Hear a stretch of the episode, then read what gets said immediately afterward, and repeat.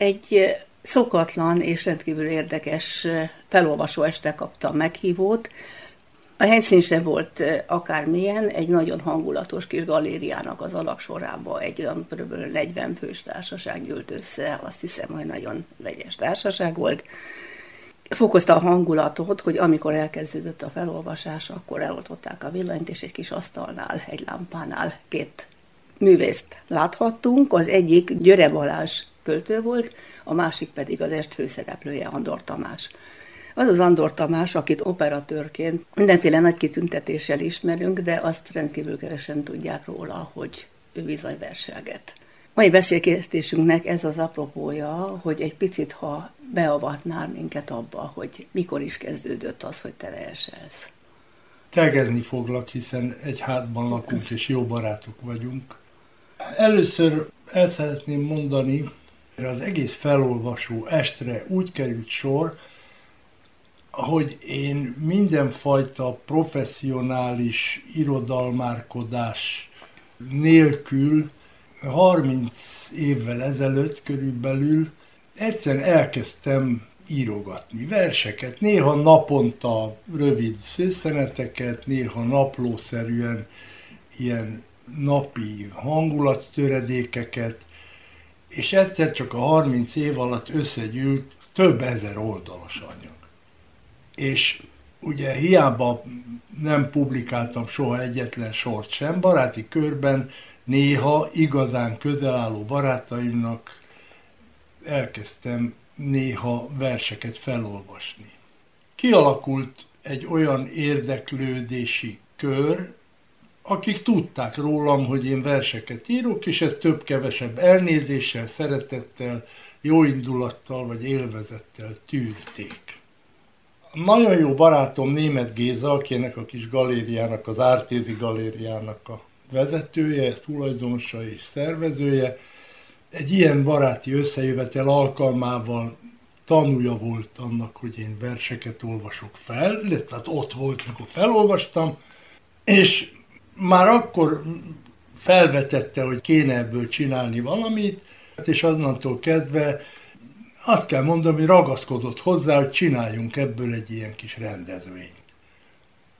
Először egy pár versel egy képzőművészeti kiállítás megnyitója előtt magához a festészethez, a képzőművészethez kapcsolódó verseimből olvastam fel négy-öt darabot, és eléggé sikert aratott a képzőművész látogatók körében, és ezen felbuzdulva a Géza egy későbbi alkalomra megszervezte nekem ezt a kis felolvasást, ahova meghívott vendégek előtt megtörtént ez a felolvasás, és nagyon jó visszajelzéseket kaptam. Nagyon megható volt, és nagyon tetszett az, hogy úgy éreztem, hogy témakörönként váltottatok, és a köztes időszakban nem titok, gondolom, hogy a vejed gitározott, és oldotta egy kicsit a hangulatot. Az egész ilyen nagyon baráti, ilyen kis szalon Nagyon jól érezte természetesen, nem mondtam be soha a ciklusok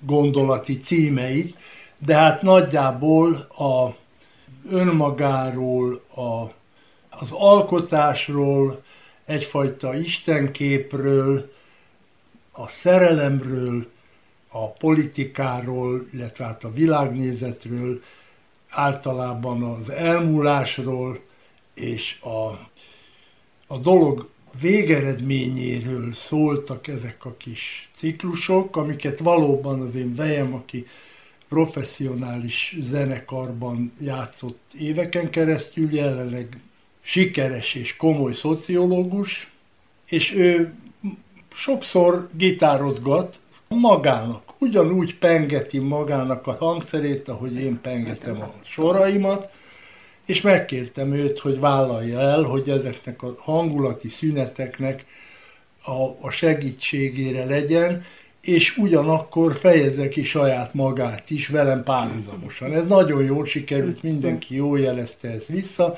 és Ságvári Bencének ezúttal is külön köszönöm, hogy hajlandó volt erre.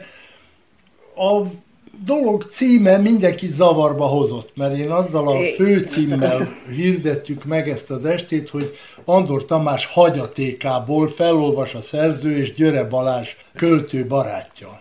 Györe Balást egyszer hallottam felolvasni, és rendkívül jó hatást tett rám az ő olvasási stílusa, és megtisztelt engem, hogy elvállalta ezt. Mi régi barátok vagyunk egyébként, de elvállalta, hogy az én verseimet velem párhuzamosan felváltva olvassa.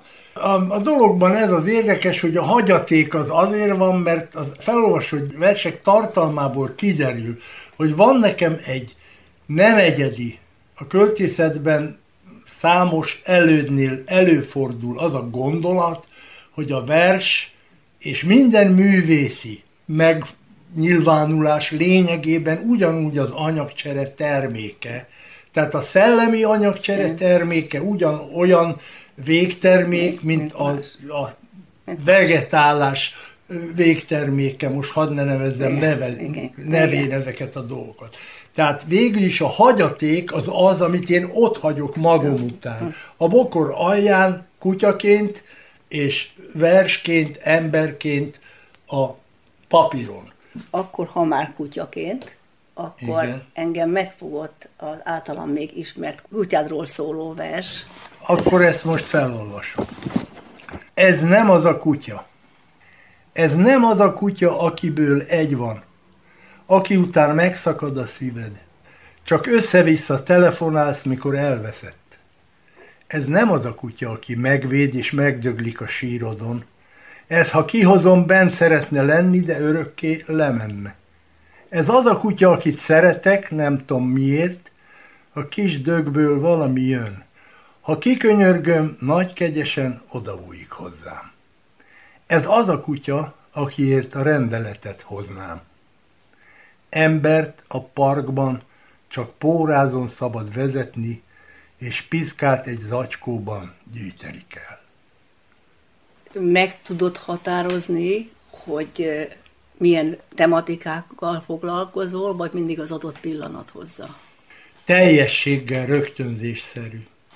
Időnként nyilvánvalóan, mintha egy slágert írnék, egy bemondás jut az eszembe, azt rögzítem vagy papíron, vagy a telefonomba bepötyögöm, aztán később leülök a számítógéphez, vagy a papírhoz, és elkezd kerekedni, és három nap múlva gyökeresen megváltozott hangulattá, formálódva, gyúródva alakul ki belőle valami. Ez a dolog módszertani lényege, vagy gyakorlati Tehát ez gyakorlatilag három napig dolgozik benned, amire kialakul valami. Vagy tíz napig, vagy, egy, vagy hónapokig fekszik valami félkészen, vagy töredékesen, és akkor hozzányúlok. De nagy előszeretettel nyúlok bele több éves dolgokba, amiket előkotorok, vagy kezembe kerül, és akkor azon gyökeres rövidítés, alakítás történik, de ez úgy tudom, hogy a költői műhelyeknek általában ez a módszere. Nyilván az a élettapasztalat, az idő múlásával az ember szemlélete megváltozik. Hát és élettapasztalat az van, Uh-huh. hogy az ember 82 évesen már megengedhet magának olyan konklúziókat, amit esetleg a fiatalok nem örömmel hallanak. És a felolvasó est vége verse, ugye, ami a Kupac című vers Igen. volt, emlékszel? Ez a Kupac, ez nekem egy visszatérő motívum. Mert, mert ez a kupac, amit én itt hagyok magam után, az azért gyermekeim, az elhalt gyerekem, az unokáim, a, az életművem, az operatőri életművem, a másodlagos festészetem, a másodlagos szobrászatom, a másodlagos költészetem, az egy kupac valami, amit itt hagyok magam mögött, és annak az emléke ott legyen a csobáncon elszórva. És aki arra jár, nézzen föl a hegyre. Úgy gondolom, és nagyon jó ez. Az én operatőr pályámnak is az volt a titka, hogy én nem operatőr akartam lenni. Ha én valamiféle költői dologhoz hozzáférek ma már, az azért van, mert én nem akarok költő lenni. Én írok magamnak, meg a barátaimnak, és örülök neki, ha tetszik valami belőle. Hát jó lenne, ha még sokáig írnál nekünk, és ezt te magad is kifejezte tulajdonképpen egy nekem ugyancsak nagyon kedves versel. Fejezzük be ezzel, és ezzel el is köszönök Andor Tamástól, megköszönve, hogy beavatott az intim szférájába, Kéri úr beszélgetését hallották. Versike.